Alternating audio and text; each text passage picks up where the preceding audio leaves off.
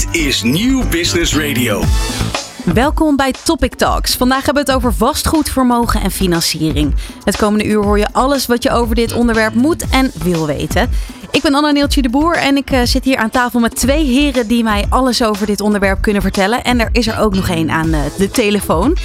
Een klein introductierondje aan de hand van de stelling: de Nederlandse bevolking staat aan de rand van de financiële afgrond. Tegenover mij uh, Edwin Wierda van Wierda Vermogensbeheer. Het is volgens mij een feit dat uh, ons geld minder waard wordt, toch? Ja, dat is wel heel erg duidelijk. Hè? Dat blijkt uit alles. Uh, ook toevallig vandaag vrijdag weer inflatiecijfers die bekend werden. Nou, het is duidelijk dat het geld steeds minder waard wordt. Dus daar is geen discussie meer over mogelijk. Daar is geen discussie over mogelijk. Nee. Dat, dat uh, wordt ook al heel lang gezegd. Mm -hmm. uh, het is misschien een beetje een dramatische stelling. Maar wat vind jij daarvan? De Nederlandse bevolking staat aan de rand van de financiële afgrond. Ik ben het niet met die stelling eens. Natuurlijk is er genoeg aan de hand in, in dit land. En uh, zeker zullen met z'n allen uh, erop achteruit gaan. En, en de broekriem wordt aangehaald. Uh, zeker een aantal bevolkingsgroepen in het land zullen het ook moeilijker krijgen. Maar uiteindelijk wordt het weer beter. we gaan bezuinigen. We gaan bewuster leven. leven efficiënter efficiënter le leven eigenlijk. En daarmee wordt de economie weer gezond gemaakt. En uiteindelijk komen we er weer sterker uit met z'n allen. Dus het wordt een moeilijke tijd. Maar er komt zeker daarna een betere periode. Het wordt een moeilijke tijd. Hoe, hoe lang denk jij dat die, die tijd zou kunnen gaan duren? Ja, dat weet ik niet. Dat is van veel dingen afhankelijk. Hè? Kijk, de energieprijzen, voedselprijzen, dat zijn natuurlijk componenten die heel bepalend zijn. En niemand weet hoe lang en hoe ver die door nog gaan stijgen. Maar goed, ik, ik ga ervan uit dat dit eh, twee, drie jaar gaat duren. Uh, waarna de economie zich weer aanpast, de maatschappij, de mensen zich aanpassen en we uiteindelijk weer omhoog kunnen kijken. Naast jou, Edwin, zit uh, Wijnand Groene, commercieel directeur bij Meerdervoort. Welkom. Leuk hier te zijn. Hoe uh, sta jij tegenover deze stelling? Um, nou ja, uh, aan de rand van de afgrond, dat, uh, dat lijkt me een beetje overdreven. Um, de, de economie heeft jarenlang heel erg goed gedraaid, ook tijdens de corona. Um, ook natuurlijk ook als gevolg van de grote coronasteun. het is jarenlang economisch heel erg goed gegaan. Dus bedrijven die, die maken nog steeds mooie winsten. En uh, ja, iedereen die zit nog steeds uh, in de winkels en in de horeca. Iedereen is nog aan het shoppen en aan het eten. Dus aan de rand van de afgrond, dat zie ik nu nog niet. ik zie wel dat, dat, het, ja, dat het minder ruim wordt. Hè? Dus dat, dat mensen wat minder te besteden hebben. Um, maar dat het naar de rand van de afgrond gaat, nee, dat, dat gaat wat ver. Toch hoor je soms wel mensen over die, die energierekeningen krijgen, waardoor zij dat gevoel zelf wel zullen hebben en die niet meer aan het winkelen zijn, denk ik. Ja, dat is inderdaad een probleem. Hè. Uh, het probleem is natuurlijk ook uh, de, de slechte energielabels in, uh, in portiekflats, enkel glas. ja, op het moment dat, dat door een tijdelijke situatie, want die oorlog heeft natuurlijk niet meegeholpen, de energieprijzen heel erg hard stijgen. Um, en je hebt een slecht geïsoleerd huis of appartement. Ja, dat, dat doet, natuurlijk pijn. En daar zou natuurlijk de overheid ook even moeten kijken van wie, wie kunnen wij helpen en wie kunnen zichzelf wel redden. Ja, Eelco Habets, country manager Nederland uh, bij Raisin. Een platform waarbij Nederlanders via depositogarantiestelsel kunnen sparen bij een buitenlandse bank met een hogere spaarrente. Jij hangt uh, aan de telefoon vanuit Berlijn.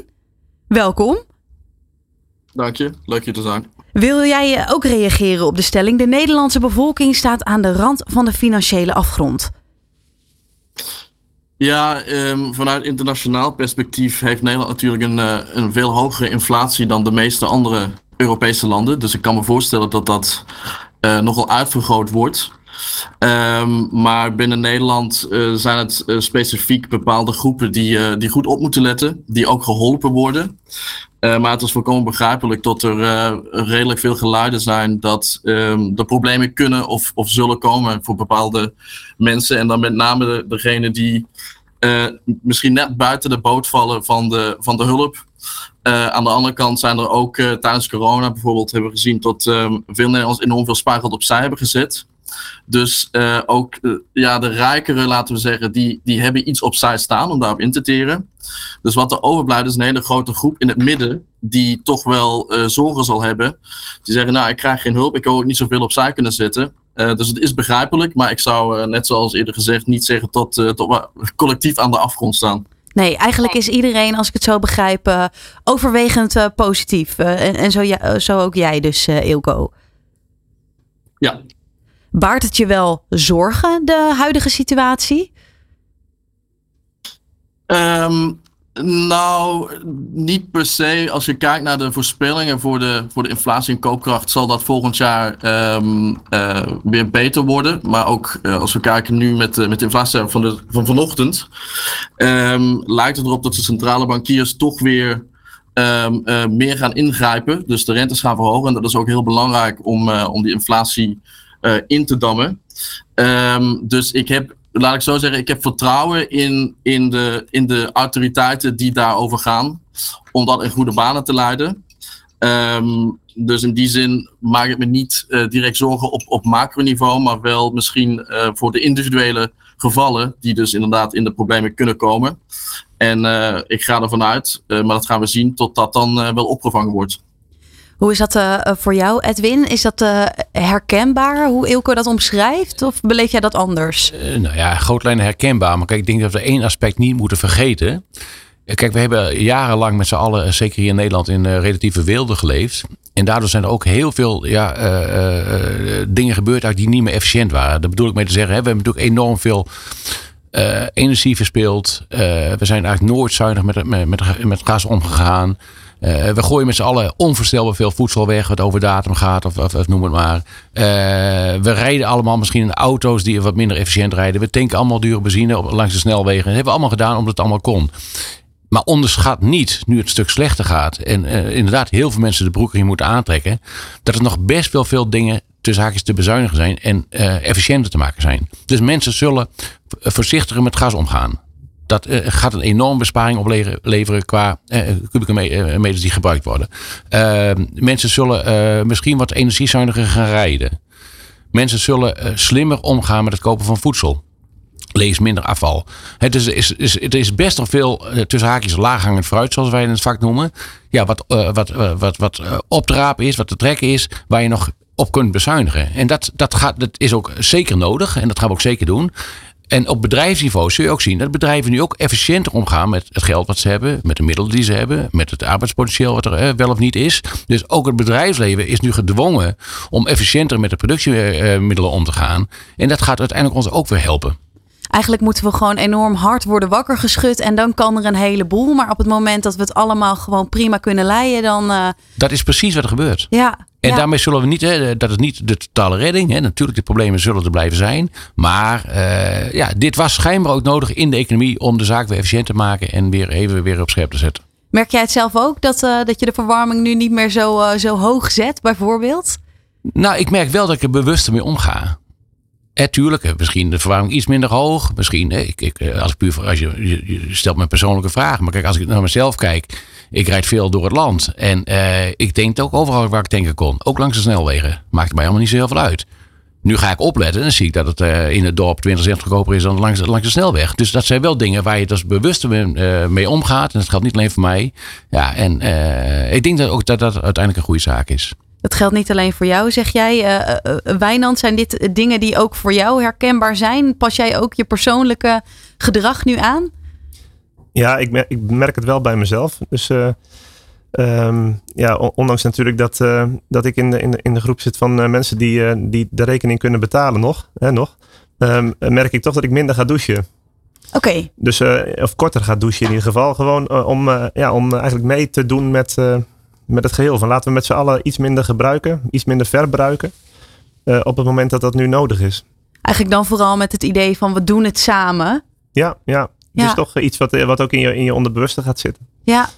Ilko, ja. Uh, hoe is dat voor jou? Um, nou, ik, ik heb geen, geen auto. In de grote stad dan kun je gewoon de, de tram, de bus en de, en de voet gebruiken.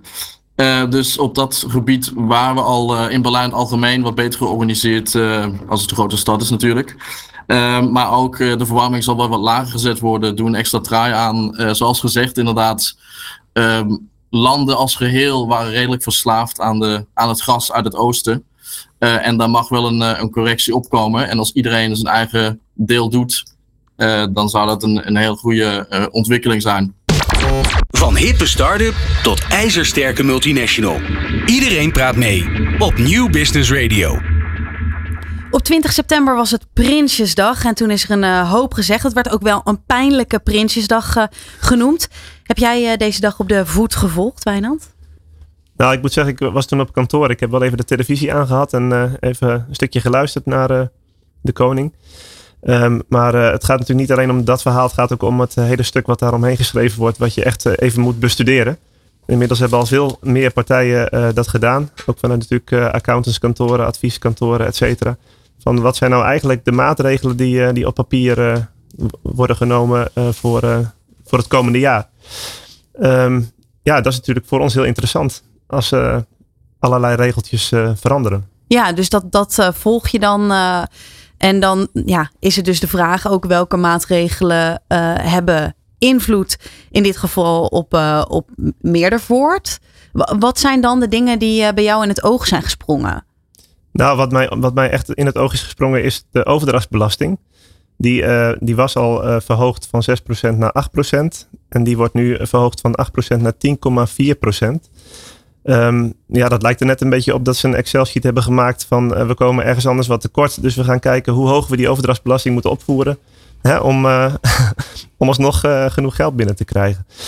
Um, maar dat is wel best wel kortzichtig. Een overdrachtsbelasting van 10,4% betekent, als je een, bijvoorbeeld een bedrijfsgebouw koopt van, van 10 miljoen, dan moet je ruim 1 miljoen belasting betalen. Puur voor het feit dat je dat gebouw hebt gekocht. Um, dus je financiering die, eh, die, die loopt uh, over, de, over de 11 miljoen heen. Nou, dat betekent dat je uh, dat gebouw pas weer kunt verkopen als die waarde ook is toegevoegd um, aan het gebouw. Nou, dat kan natuurlijk door, door inflatie, maar dat kan ook door het indexeren van de huren.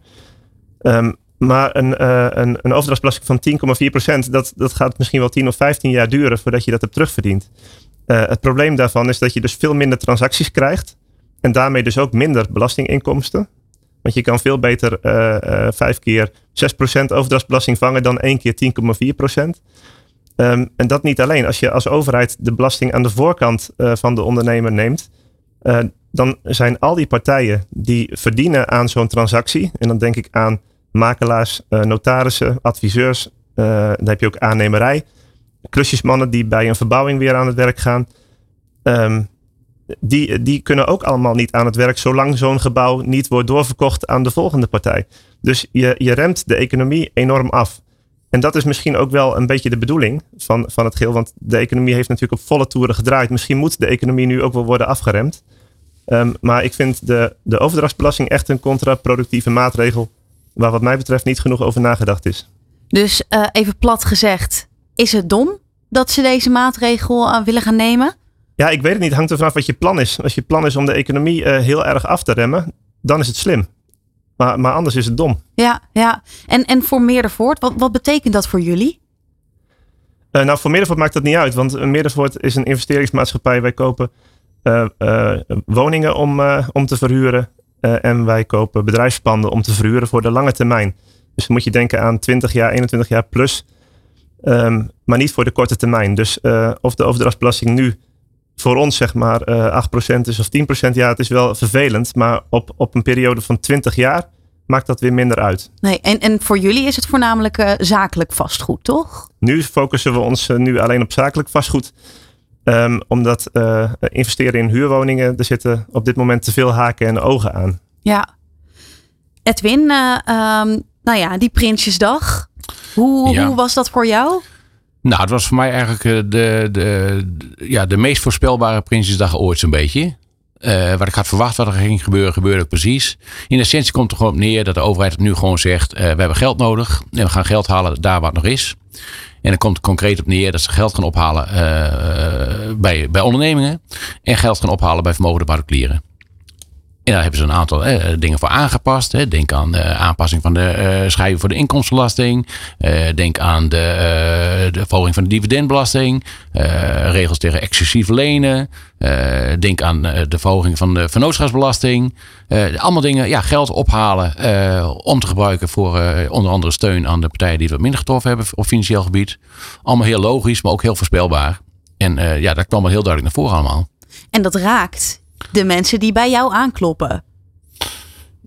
Ja, zo kun je het zien. Kijk, de mensen die bij ons eh, aankloppen zijn beleggers. Wij beleggen voor mensen in heel Nederland in uh, beursgenoteerde aandelen, obligaties en opties. Over het algemeen zijn dat de mensen eh, met wat hogere vermogens. Dus ja, die worden geraakt. dat is een feit. Ehm, maar uiteindelijk verandert er niks aan de situatie dat ze met het vermogen wat ze hebben iets moeten doen. En uiteindelijk wordt het vermogen nu meer belast. En ze zullen dus moeten proberen of gaan proberen om dat te compenseren door winst te maken op onder andere beleggingen. Dus in die zin is dat voor ons goed. Dat er nog weer een nieuwe prikkel is om toch weer uh, te blijven beleggen. Of misschien meer te gaan beleggen in plaats van sparen. Dus ja, die groep wordt geraakt. Maar goed, ik denk dat de meeste mensen van die groep begrijpen wat er nu nodig is in Nederland.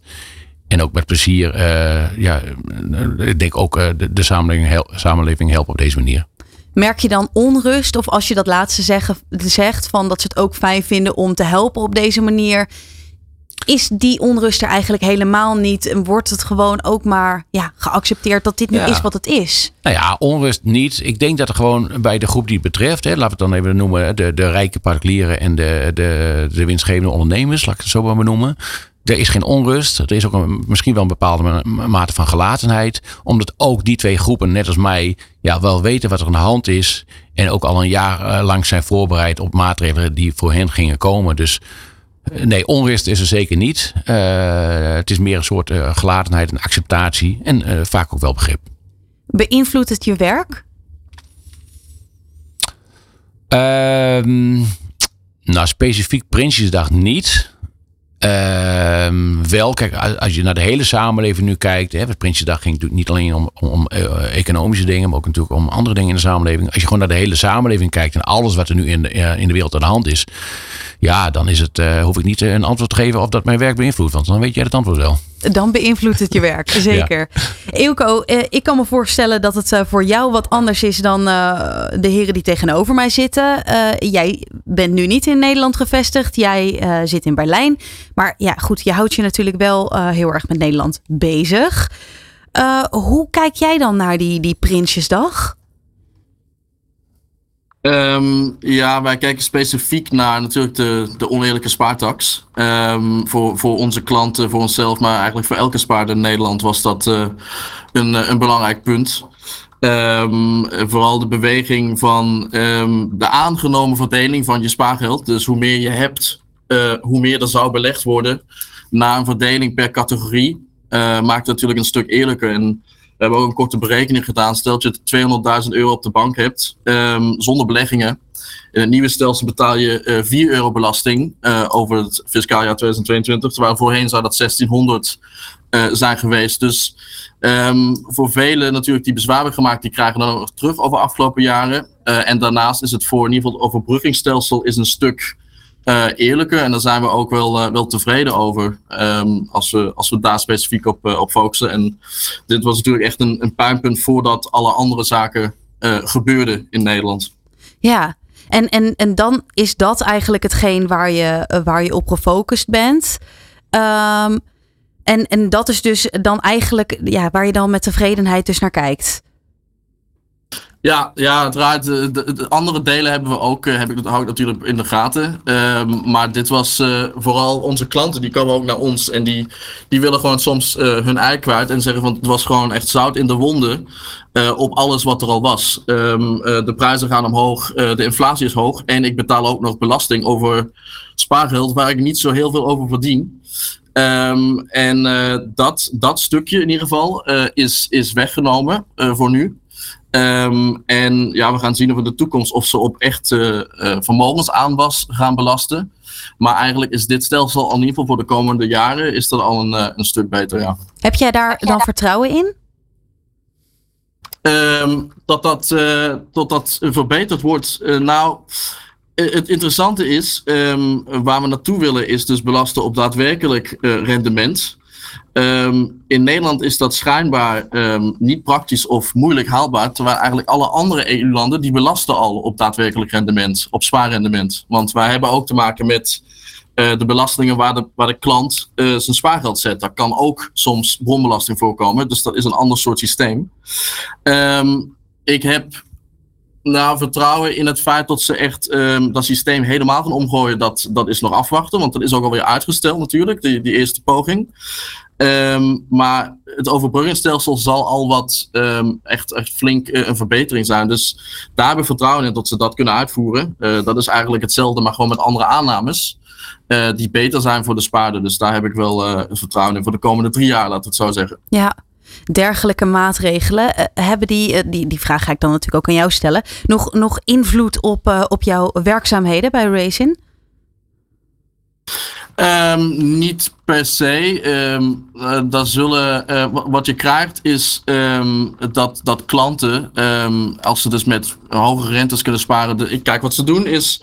Ze, nemen aan dat de rente die verdiend wordt, dan nemen ze van de Nederlandse banken het gemiddelde. Dat is dan 0,01 over uh, het afgelopen jaar, van juni 20 tot juni 2021. wat je krijgt dan is dat klanten voor hoge rentes in het buitenland kunnen sparen. Um, en daardoor eigenlijk sinds jaren daar um, uh, op kunnen verdienen. Mocht dan ook de inflatie beteugeld worden, dan kunnen we misschien zelfs kijken naar een, een reëel rendement op, op sparen volgend jaar. En dat hebben we al, al jaren niet meer gezien. En dat zal dan ook invloed hebben op onze werkzaamheden. Kijk, voor ons is het gewoon focus om altijd meer te doen voor de spaarder. Mensen blijven sparen. Dat is vaak een emotioneel keuze ook. Het is niet allemaal rationeel wat mensen doen met hun geld. Um, maar het zal zeker invloed hebben op, uh, op de interesse, de verdere interesse in sparen, ook vergeleken met andere financiële instrumenten. Wat merk jij daar dan van dat dat iets emotioneels is en niet altijd rationeel? Jij spreekt natuurlijk ook wel met, met, uh, met klanten. Ja, we waren bijvoorbeeld twee weken geleden op de, op de 50-plus bus ook. Um, en als klanten hun spaargeld in het buitenland zetten, dan eh, kijk, je kunt kijken naar de, de, de rating van een land, dus de kredietbeoordeling. En je zegt, nou, dat is prima. Of ik maak een afweging echt op rationele basis. Of mensen zeggen, nou, ik, uh, ik ben op vakantie geweest in Zweden of Italië. Ik vond het een leuk land en dan zet ik mijn spaargeld neer. Dus het is niet dat uh, bij sparen eigenlijk. Uh, er zijn natuurlijk wel, mensen hebben een heel portfolio van sparen tot met beleggingen. Maar er is ook een groot deel dat eigenlijk een gevoel erbij heeft en gewoon um, wil kunnen slapen s'nachts. Um, en dat, dat zie je waarschijnlijk bij sparen nog meer dan bij de, uh, de beleggingen, waar je toch wat betere afwegingen of meer rationele afwegingen maakt. Kijk ik even naar de, de heren tegenover mij. Is dat zo? Uh, is sparen, denken jullie, uh, emotioneler dan bijvoorbeeld beleggingen? Ja, nou ja, kijk, de gemiddelde spaarder is natuurlijk een, heeft een andere type persoonlijkheid dan de gemiddelde belegger. Om het even heel zwart-wit neer te zeggen. Ja. Het is zwart-wit natuurlijk, omdat mensen die beleggen over het algemeen ook nog wat spaargeld hebben. En mensen die, er zijn ook heel veel spaarders die ook nog een beetje bij beleggen. Dus het is niet alles of niks. Maar goed, er zijn andere types. En um, kijk, bij sparen weet je over het algemeen uh, wat je hebt en wat je, waar je waarschijnlijk na een jaar op uitkomt. En bij beleggen weet je wat je hebt en je weet niet met zekerheid wat, je, uh, wat er over een jaar uh, bijgekomen is of afgegaan is. Dus misschien is, is een belegger iets avontuurlijker ingesteld dan een spaarder. Dat zou kunnen. Um, ja, ik denk dat dat eigenlijk het grootste verschil is. Maar het beste is vaak denk ik een eh, combinatie van die twee. Ja, ik zag jou geloof ik eh, knikken, Wijnand. Ja, ik denk dat wij wel, wel uh, aardig op één lijn uh, zitten. Um, Jij en Edwin, ja. Ja, ik en Edwin. Maar, maar uh, inderdaad, spaarders zijn een heel ander type mensen dan beleggers. En het verschil is dat risicovolle beleggers, die zijn vaak jonger. Die hebben nog een heel leven voor zich. Dus die willen best een deel van, van hun vermogen bijvoorbeeld in, in bitcoins stoppen. Uh, om, om rendementen van 20, 30 procent uh, bij wijze van spreken te kunnen maken. Um, omdat ja, als je je geld verliest, heb je nog een heel leven voor je om, om dat terug te verdienen. En ja. de doelgroep van Edwin, dat is dus de 50 plus, dat is ook onze doelgroep. zijn mensen die zijn eigenlijk meer spaarders dan beleggers. zijn mensen die willen niet hun geld verliezen. Die hebben daar hun hele leven voor gewerkt en die willen gewoon zorgeloos genieten van, van, van die mooie tijd die ze nog hebben.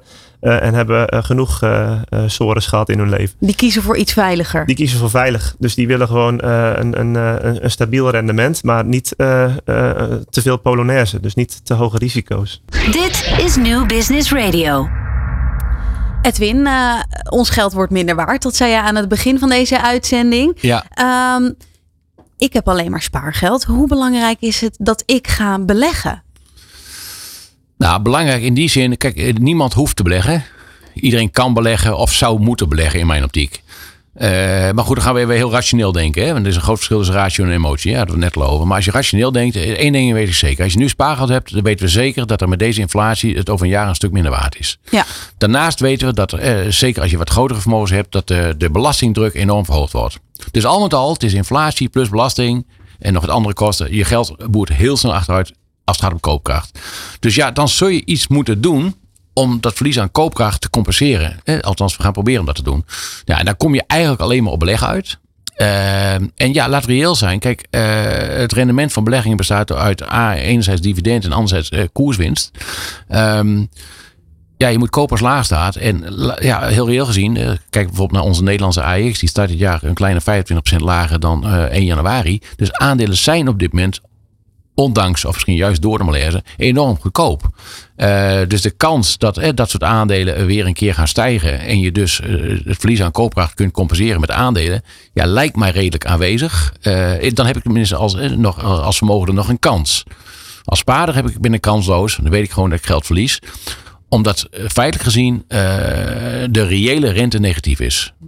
Dat betekent heel simpel gezegd dat de inflatie op dit moment vele malen hoger is dan de rente die je ontvangt. En zolang dat verschil er is, dus de reële rente negatief is, ja, boer je achteruit en zul je uiteindelijk uh, moeten gaan beleggen. En wat ik belangrijk vind te melden, kijk, er is nu natuurlijk op de markt heel veel negativiteit en, en pessimisme over alles wat er in de wereld gaande is. Dat is ook uiteraard helemaal waar. Maar vergeet niet de impact die deze crisis ook in positieve zin kan hebben voor het bedrijfsleven. We zien dat het bedrijfsleven, ook de beursgenoteerde uh, bedrijven, de aandelen, allemaal nu gedwongen worden om logisch na te gaan denken en efficiënter met hun kapitaal om te gaan. En, en slimmer met het arbeidspotentieel om te gaan. En overal meer over te gaan nadenken. Overal efficiënter in te worden. En alleen al die ontwikkeling zal ervoor zorgen dat de bedrijfswinsten uiteindelijk op termijn ook weer gaan stijgen. En dat is uiteindelijk weer goed voor aandelenkoersen. Dus uh, laten we leren van de, ja, de crisis die er nu heerst. En ik denk dat het gaat gebeuren. Dus we kunnen er uh, goede dingen uit gaan halen. En uh, op het moment dat je nog niet belegt, is het dus interessant om je daar nu in te gaan verdiepen. En is dus ook misschien wel een goed moment als ik jou zo hoor om nu, gaan, om nu in te stappen. Weet je, de essentie is, ik doe dit vak nu 20 jaar en ik heb een aantal van dit soort crisissen meegemaakt. De, de zwaarste was 2008. 2008 zullen we luisteraars nog herinneren, was een, jaar waarin alles fout ging. Banken dreigden om te vallen en sommige vielen ook om. En beurzen halveerden ongeveer. Uh, de essentie is in dat soort periodes, als alles slecht gaat en iedereen negatief is en dus alles goedkoop is en niemand meer lichtpuntjes ziet, dat blijken later altijd de momenten zijn geweest dat je juist moest beleggen of juist moest gaan beleggen. Ik zie dat nu bij ons ook aan de, ons klantenbestand. Eh, de meeste klanten die, die zitten en die wachten nu op betere tijden. De aanloop van nieuwe klanten is op dit wat minder dan gemiddeld omdat aandelen niet zo goed gaan. En dat is natuurlijk heel raar, want er zijn weinig producten in de wereld of diensten in de wereld die uh, als ze goedkoper worden, dat er minder vraag komt. En als ze duurder worden, dat er meer vraag komt. Aandelen zijn nu sportgoedkoop. En feitelijk is dit een beter instapmoment dan een jaar geleden toen de beurzen uh, enorm goed gingen. Ik, uh, ik ga jou even quoten. Met name grote banken, waar veel mensen beleggen, hebben steeds meer grenzen gesteld en standaard pakketten ontwikkeld waar de klant min of meer verplicht ingedrukt wordt. Leg dat eens uit. Nou ja, kijk, de banken, de grote banken in Nederland zitten in een hele lastige positie omdat ze natuurlijk onder invloed staan van uh, uh, regelgeving, overheid, met allemaal eisen en wetten en, wat, waar banken aan moeten voldoen. Dat is de ene kant de druk die banken ervaren. En aan de andere kant ervaren de banken de druk van de consument, van de klanten, die over het algemeen ja, vaak minder goede gevoelens door historie met bepaalde banken hebben. Um, nou, wat doen die banken? Die banken maken allemaal efficiëntieslagen, want die hebben natuurlijk ook heel lastig gehad de laatste jaren. En die, die maken standaardproducten die volledig voldoen aan regelgeving. En die ze over hele grote groepen beleggers kunnen uitspreiden. Dat betekent per definitie dus dat je ja, uh, in, in standaard producten terechtkomt. Waarbij uh, die banken over het algemeen minder bewegingsruimte hebben om in te spelen op, ja, op je behoefte van bepaalde doelgroepen binnen de beleggers. Um, wij doen dat niet. Hè. Ik heb zelf een Rabobank verleden. Ik heb geleerd daar hoe je het wel moet doen en ook hoe een aantal dingen misschien beter kunnen. Dus wij zijn meer gericht op de, de, de portefeuille zelf. proberen verschillende smaken om verschillende doelgroepen te kunnen bereiken. Dus dat is een, een iets ander verhaal. Uh, wij hebben het ook makkelijker, omdat wij natuurlijk ons maar met één ding bezig hoeven te houden. Dat is beleggen. Dat is ook het enige wat ik leuk vind en wat ik doe. We hoeven ons niet te bezig te houden met eh, financiering of met de uh, erfrechtbelasting. Geen met, randzaken. Uh, geen randzaken, puur beleggen. puur beleggen, pure focus. Juist. Wijnand, uh, bij Meerdervoort gaat het weer specifiek om vastgoed. Uh, Ja. Waarom is volgens jou traditioneel sparen niet meer interessant? Ehm, nou ja, er is natuurlijk één eh, gegeven en dat is dat er een eh, inflatiedoelstelling is. Ehm, de inflatiedoelstelling is 2% per jaar. Daar wordt op gestuurd door de centrale banken. Ehm, en dat betekent dat over een langere periode van 10, 20 jaar, dat de inflatie gemiddeld 2% per jaar moet zijn. Nou, dat betekent eh, als je eh 20 jaar verder bent, dan heb je al 20 keer 2% is 40% inflatie. Maar er geldt ook nog het rente-op-rente effect, waardoor je in de praktijk op, op 50, 60% eh, inflatie uitkomt eh, over een periode van 10, 20 jaar. Nou, daar moet je je om te beginnen al tegen wapenen. Als je niks doet, dan ben je dat al kwijt. Ja, Eh, er komt natuurlijk de, inderdaad de belasting overheen op spaargeld en alle andere belastingen die je moet betalen.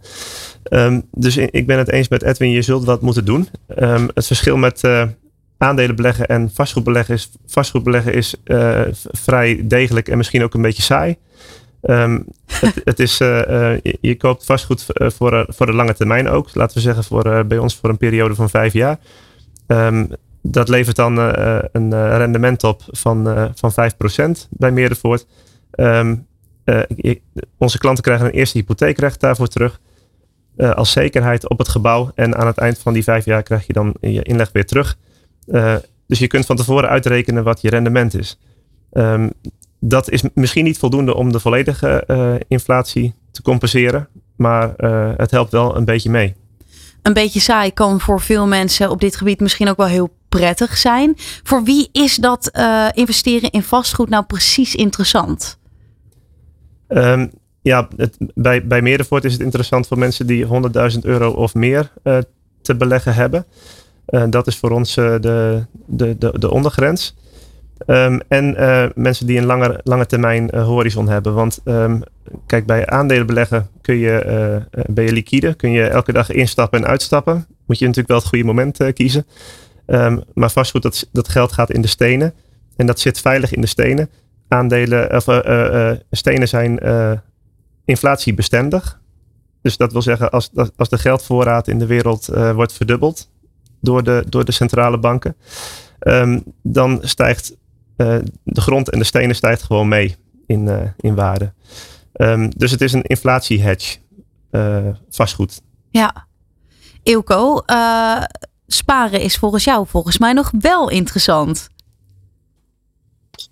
Ja, het lijkt erop dat het voor ons de Nederlandse bevolking nog eh, interessant is. Ehm, als we kijken naar de afgelopen jaren gingen de rentes zelfs tot eh, een negatief niveau. En ik denk elke paar maanden zagen we in het nieuws dat we weer op een record aan spaartegoeden zaten. Dus ehm, de Nederlandse bevolking lijkt ehm, voor sparen te kiezen eh, nog steeds.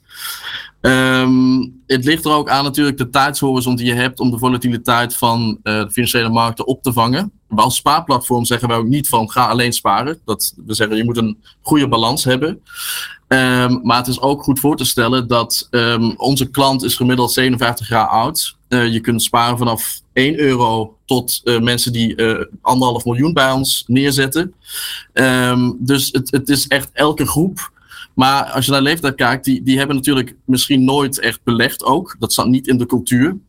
Dus als je niet de horizon hebt of ehm, de attitude, laten we zeggen, de, de houding om, om daarmee om te gaan met die volatiliteit. Ook wat we zagen het afgelopen jaar, ehm, ook in Duitsland, waar heel veel mensen instapten met al die trading apps. Ehm, en nu van een relatief koude kermis thuiskomen. Die komen dan toch terug naar sparen. En dan zien we ook bij ons eigenlijk ehm, de tegenstelling. Dat er bij ons nooit meer klanten zijn aangekomen dan, dan de afgelopen maanden. Ehm, dus het is ehm, voor de duidelijkheid, dat is een evenwicht. Maar het ligt echt aan waar sta je in het leven. Dus heb je nog eh, lang te gaan of eh, ben je wat, wat jonger? Wat, hoeveel, hoeveel geld heb je eh, te beleggen of te sparen? Ehm, en van daaruit ehm, kun je een besluit nemen over welk, eh, welk eh, gewicht je legt in welk instrument.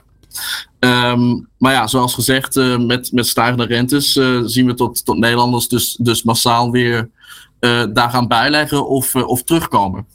Maar wat is dan bijvoorbeeld het grootste verschil tussen, tussen Raisin en een Nederlandse bank als ING of, of Rabobank?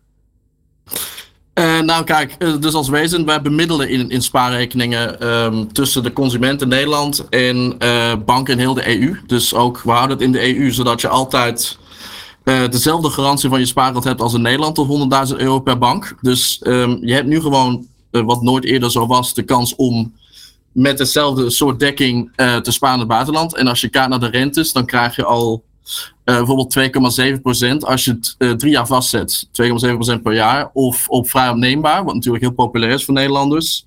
Krijg je uh, eh, 0,65% bij, bij Renault Bank. Terwijl ING, Rabo, ABN zit op 0 of 0,01. Dus um, nou, als ik het heel commercieel wil zeggen, dat is 65 keer meer. Maar het is een stuk meer. Um, dus daar zitten grote verschillen tussen.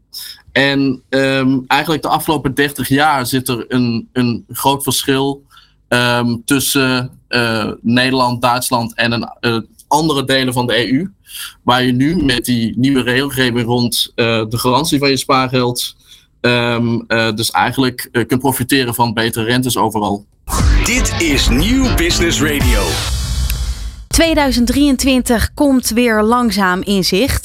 we hebben het er hier al uitgebreid over gehad veel mensen uh, staat het water aan de tanden. Maar tegelijkertijd uh, merk ik dat uh, mijn gasten toch wel overwegend optimistisch zijn.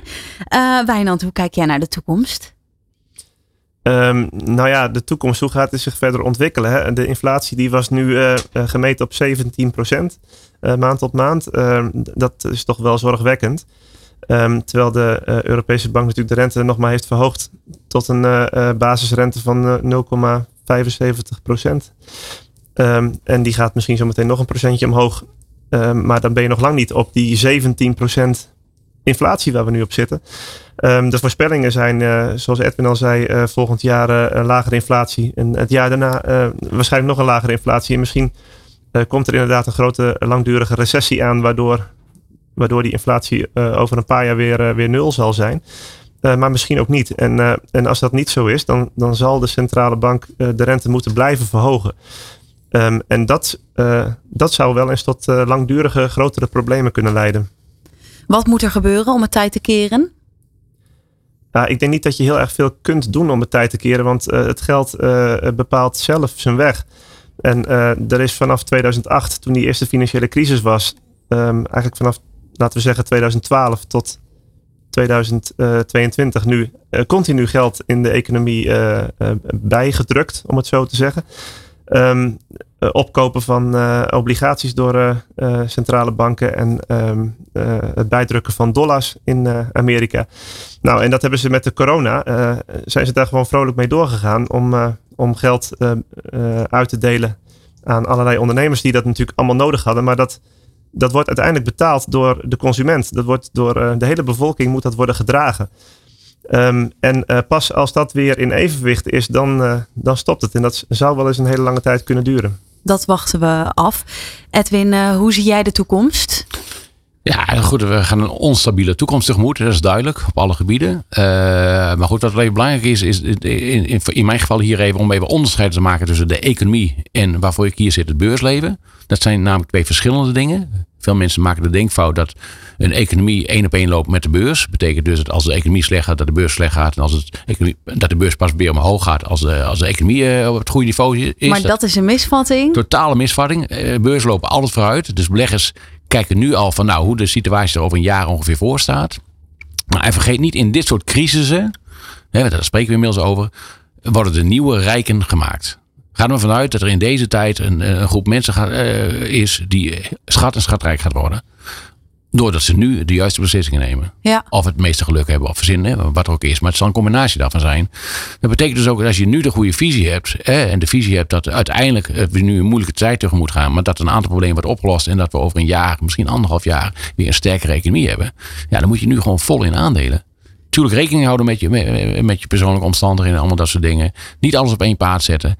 Maar goed, ik ben in die zin wel, wel optimistisch gestemd. Omdat ik ervan uitga dat de enorme ellende die, die op ons afkomt, dat die wel gaat komen, maar dat, eh, dat die misschien iets minder eh, grote ellende gaat worden dan, dan we nu allemaal vrezen. Want de verwachtingen zijn nu wel heel erg negatief. Ja, ja. Ehm, maar dat het een onzekere tijd wordt, zeker in de economie en zeker bij bepaalde groepen in de economie en, en in de samenleving op alle gebieden. Het gaat niet alleen om geld, maar eigenlijk op alles wat in deze maatschappij speelt.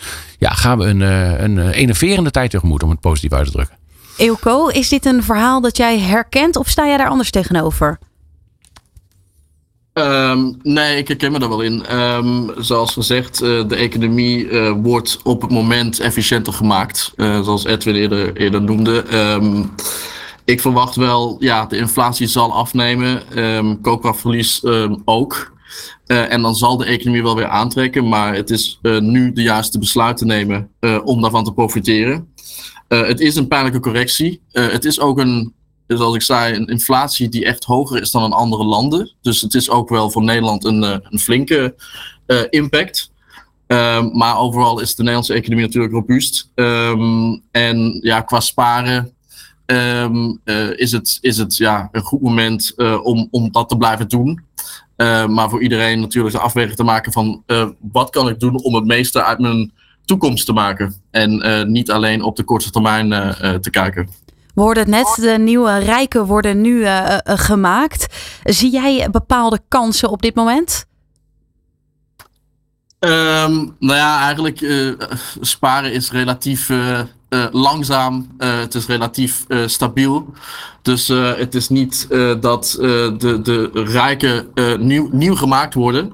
Um, maar de middenklasse kan wel weer rijker worden. Dus er zijn ook mogelijkheden om daar zonder al te veel uh, fluctuaties uh, om weer uh, verder op te bouwen. Dus het is um, nu redelijk veel natuurlijk in de media en overal. Um, oh, wat komt op ons af? maar we moeten ook in de gaten houden tot, zoals ik zei, de centrale bank en andere partijen daar wel um, werk van zullen maken om te zorgen dat we weer relatief snel op, op weg kunnen zoals we gingen. Wijnand, biedt deze tijd meerder voort bepaalde kansen? Ja, zeker. Um, wij, zien uh, nu in deze tijd met uh, tijdelijk uh, heel hoge energieprijzen door onzekere markten.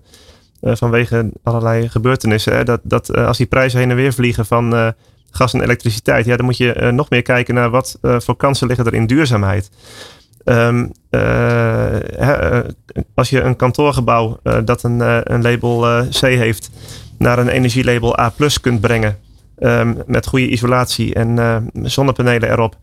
Uh, dan, uh, en, nul op de meter ervan kunt maken, is een eenmalige investering. maar die huurders van zo'n kantoorgebouw, die zijn tientallen jaren super blij. Want die hebben al die kosten voor gas en elektriciteit dan, dan niet meer of veel minder. en daar valt nu een enorme win-win te behalen. Dus het is niet alleen maar puur van duurzaamheid is goed. Uh, voor het milieu. Maar duurzaamheid is vooral ook goed voor de portemonnee. Ja, verduurzamen. Doe er je voordeel mee. Je luisterde naar Topic Talks. Bedankt uh, voor jullie komst naar de studio. Wijnand Groene van Meerdervoort en Edwin Wierda van Wierda Vermogensbeheer. En aan de telefoon Ilko Habets van Racing vanuit Berlijn. Dit is Nieuw Business Radio.